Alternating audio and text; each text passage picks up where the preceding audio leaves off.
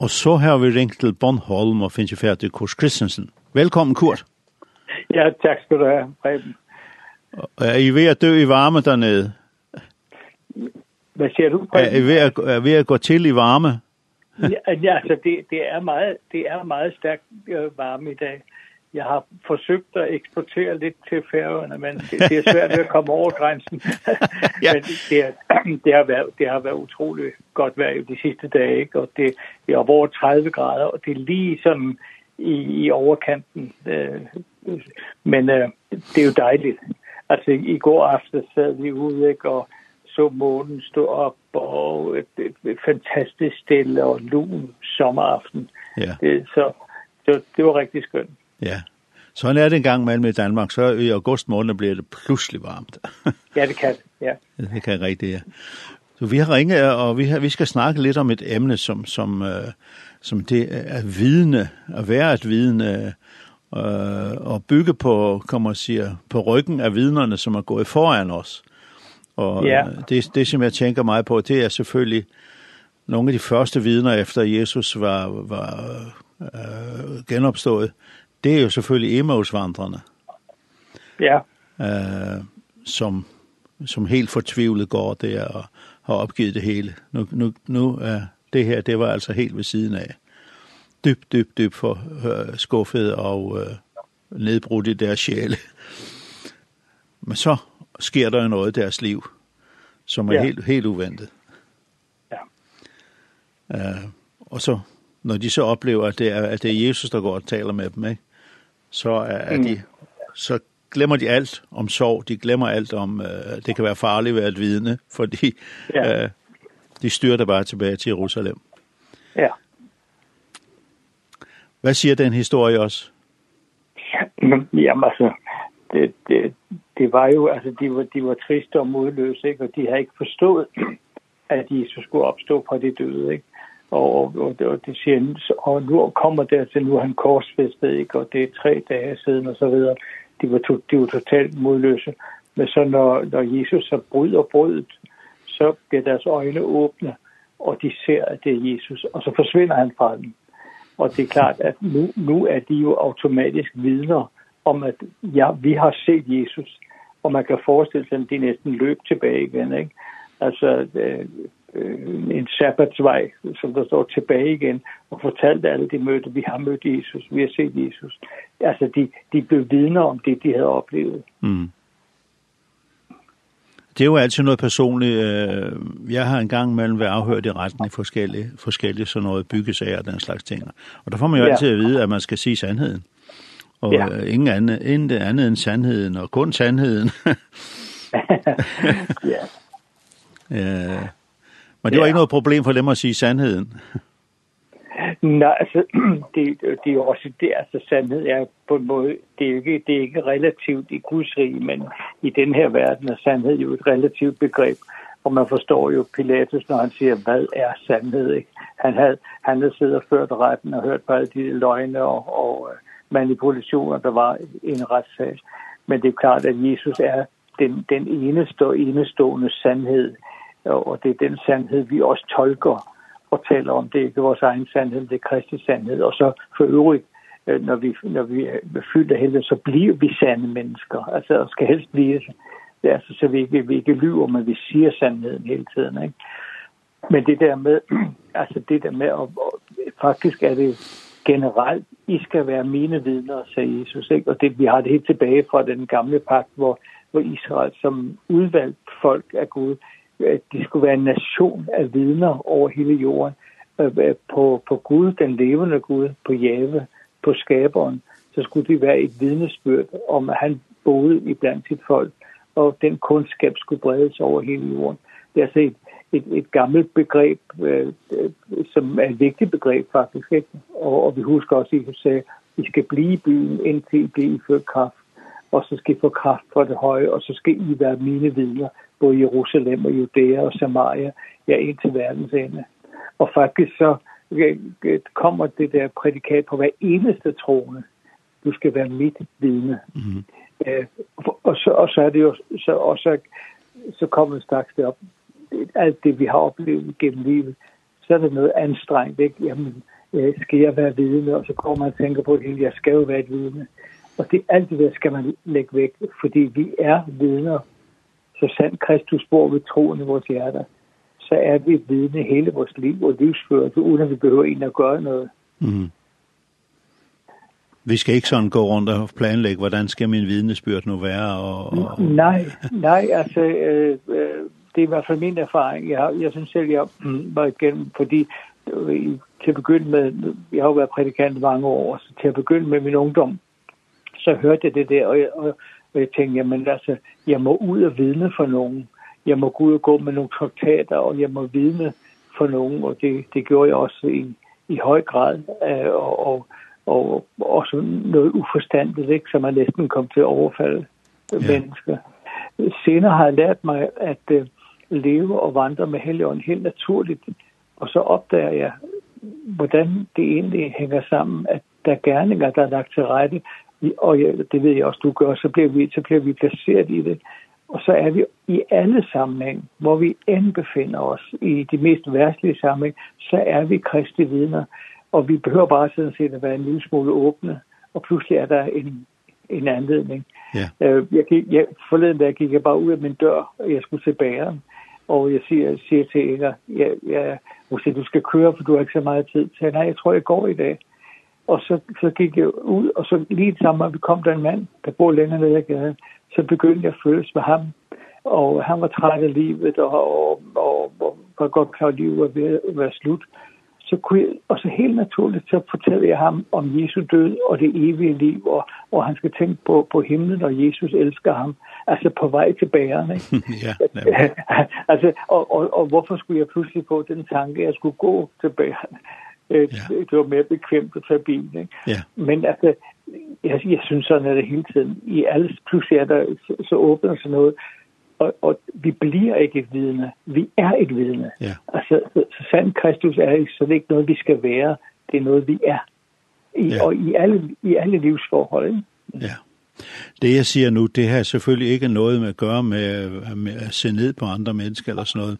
Men det var min personlige oplevelse. Som alle andre så gik jeg med traktater, og, ja. og øh, nogle blev faktisk lidt, lidt sure, øh, og nogle ja. blev glade, og nogle var bare ligegyldige, ikke? Og så en aften, ja. jeg havde været ude og gjort det der, så kom jeg hjem, så var ligesom jeg fornemmet, nu går du rundt med en masse fribilletter i lommen. Fribilletter, tænkte jeg, hvor, hvor kom det ord fra? Ja. Det er ligesom, jeg købte mig fri, så nu har jeg gjort min pligt. Ja. Men der fandt jeg så ud af, nej, jeg skal ikke have nogen fribillet. Jeg skal bare være mig selv. ja, men det har du ret. Ja, men jeg tror, jeg, jeg tror faktisk, der er mange, der har været igennem det, også fordi ja. vi blev præget, vi blev præget af en meget stærk forkyndelse og undervisning at nu skulle vi være vidner, og vi fik næsten pisken over nakken. Ikke? Yeah. Så, så der er ikke noget at sige til. Jeg tror, vi alle sammen har været ja. øh, igennem den tur der, indtil vi opdager, at vi skal bare være. Altså, og, og livet er pragtfuldt og vidunderligt, og, og vi ledes af Helligånden, uden at det er så mystisk. Yeah. Så, så, så, vi møder mennesker, ikke? Og så er det, jeg tror, at du, du også du tænker på Hebræerbrevet 12, det, yeah. at vi nu har så stor en sky af vidner omkring os. Ikke? Yeah. Så, så var det jo alle trosheltene.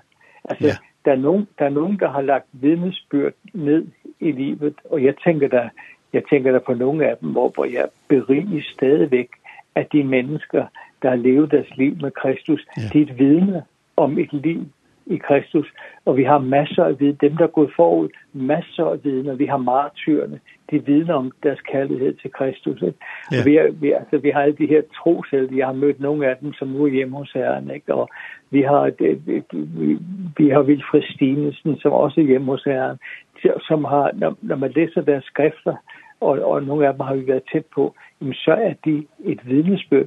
Sådan er det også på færgerne. Der er, der er en sky af vidner bredt ud over alt på færgerne. Ja. Og alle de vidner, de hører sammen. Øh, og, og vi, vi faktisk inspireres ved hinandens vidnesbyrd. Jeg er meget inspireret af dit vidnesbyrd, gang på gang, hvordan du har været ledt af Helligånden og så videre. Altså, sådan, sådan, sådan afleverer vi vores, vores vidnesbyrd også igennem de forskellige tjenester, ja. vi har. Ikke? Ja, og så siger Hebrevet 12, det siger, lad os også, lad, så lad os også, og, som, så lad der også os, som har en stor sky af viden omkring os, frigøre os fra enhver byrde ja. for synd. Ja. ja. frigøre os. Ja. Altså, det er jo, det er jo velsignet ord, det er frigøre os, at vi kan Jamen, blive frigjort. Det er, det er, det er Ja, og det er måske også den byrde, vi taler om her. Byrder, der bliver lagt på os, som ikke kommer fra Herren. Selvfølgelig også øh, synden og alle de her ting. Øh, og det, som så let omklammer os, står der også videre, ja, ikke? det omklammer os, ja. Og så, og så holde ud i det løb, der ligger foran os. Og så kommer det i det, vi ser hen til Jesus. Tro, han er det største vidne, ikke? Ja. Troens fald, altså, han, han har aflagt vidnesbyrdet i verden om Guds kærlighed, faderens kærlighed. Han har vist os faderen Øh, han er åbenbart faderen for os, og det, han er simpelthen verdens største vidne eh, om, om Guds herlighed. Ikke? Han herliggjorde sin far hele tiden. Så, så, så det, viden, I skal være mine vidner, sagde Jesus. Altså, I skal ikke være jeres egne vidner. I skal være mine vidner. Så det, det er ligesom, det er vort liv i Kristus. Det, ja. det vidner, det vidner overalt, ikke? Ja. Og nu ved vi ikke rigtig, hvem der har skrevet det her øh, om det er Paulus eller hvem det nu er. Men det at tænke på, at, at Paulus, han er, han er vores bror. Han er en af ja. der har løbet foran os. Og, og, ja. og, og, og, og, og vi er ikke noget værd i forhold til ham, og så, sådan, det tænker vi ikke. Men, men øh, vi er på den samme vej. ja. han, han vil jo bare fortsat. Det, det er jo fantastisk at tænke på sådan nogle ting. Jamen, det er det. Han, han, han er jo vidne specielt for os hedninger, ikke? er han jo et vidne, og, og hans, hans vidnesbøg kender vi jo ikke. Men også de andre, der, der nævnes, altså Abraham er et mægtigt troens vidne i historien, ikke? Og, og, og Enoch og Noah og, og alle de her, det, det er jo hele den sky af vidner, der omtales i, Hebræerbrevet, ikke? Og, og, og, nogen, nogle, de, de, de, de offrer deres liv. nogen, de bad næsten om at lide martyrdøden, ikke? Yeah og, og, og de bad ikke om udfrielse for, for at ville herliggøre Kristus. Alle de mange mennesker, de er vidner. Øh, og det, jeg synes på en anden måde, at så synes jeg også, det er lidt, for mig lidt, lidt alvorligt. For jeg ved jo selv, at øh, du er et vidne, og jeg er et vidne, også for dem, vi har haft med at gøre. Øh, sådan tænker jeg på det i min alder, når, når, når livet er ved at rende ud, så, så, så tænker jeg på, jamen, jeg har været et vidne for mange mennesker igennem mit liv, og jeg vil så gerne øh, ende mit liv som et vidne af en af dem, der fuldfører løbet. Ja. Øhm, forstår du, hvad jeg mener? Ja, der, der står også, husk, husk dem, der går foran os, foran jer, ja. og, og ja. ære der minnet om den, ikke? som holdt ud ja. til det sidste. ja. ja. Det er jo, ja, hvad, hvad kan der være noget større, end at, end at få sådan en vidnesbyrd?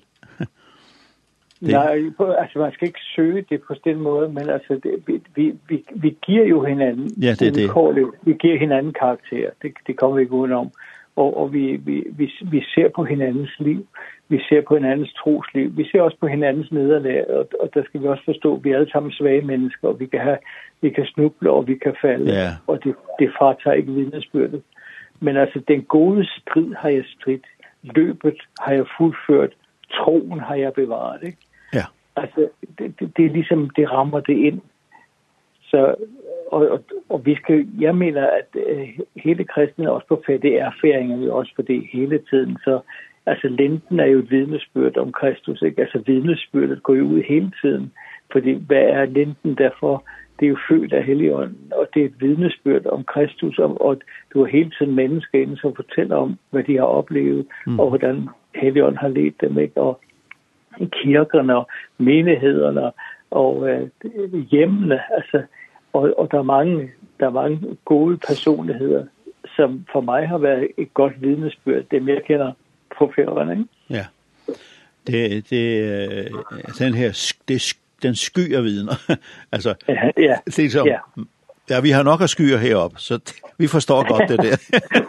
ja, man skal bare, jeg ved det godt, man skal bare køre op i fjællet, så har man en sky, men jeg ved ikke, om der vidner, vidner i den sky. Nej, en gang imellem synes jeg, det er lidt for sorte herop. ja, ja, ja. Vi vil hellere have sådan nogle lamme skyer. ja, kan godt forstå. På. Ja, ja. ja. Men men hvad kan vi opfordre, hvad kan du sige til mennesker som som tænker, hvad er jeg et vidne? Jeg jeg tror ikke jeg er et vidne.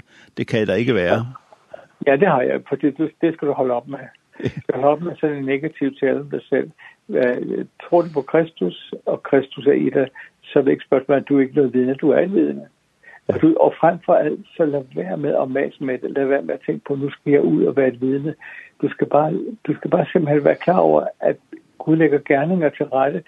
Han skaber hele tiden noget i os. Og, og jeg, har, jeg har set det så mange gange, også i den senere tid, forbavsende hvordan han leder os, uden at vi egentlig mm -hmm. tænker på det. Pludselig er vi midt i noget, og så er vi Herrens vidner. Jeg sidder ikke og tænker på det. Men pludselig åbner det sig, og så er det stærke vidnesbyrd, ikke? Ja. Men, men, men, men du har det der, det anstrengte evangelium. Vi lægger byrder på folk, og, og, og, og, og, og folk, de, de mister modet simpelthen, fordi vi kender alle vores svagheder. Øh, og siger, jeg er ikke noget vidne, ikke? og jeg sidder bare her, og jeg gør ikke noget det er du. Du er vidne, bare dem, dem, dem der er omkring dig, så er du vidne. Så, så ligesom tro på, at Gud elsker dig og skaber noget nyt i dig hele tiden. Han bliver ved med at skabe noget nyt. Helligånden bliver ved med at skabe noget nyt. Og søg ind i ordet og lev i Helligånden, og lad Helligånden fungere i dit liv. Så, og du kan ikke tænke på, at der er noget, jeg skal gøre, men du kan bare tænke på, hvad du er. Ja. Altså, jave, jeg er Kristus, jeg er, og du og jeg, vi er. Vi er i Kristus, og Kristus er i os. Jamen, det er vidensbyrdet. Ja. ja. Tak skal du have, Kurt. Det var så ja. dejligt, Kurt, at ringe til dig for en, en sådan opmundring her mandag morgen. Så, godt, så, så vi kan klare en hel uge. ja, ja, Guds fred til ja. alle på bjerget her. Ja. Tak ja. for, at vi kunne ringe.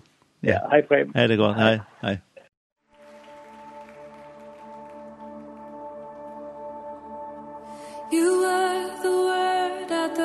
beginning one.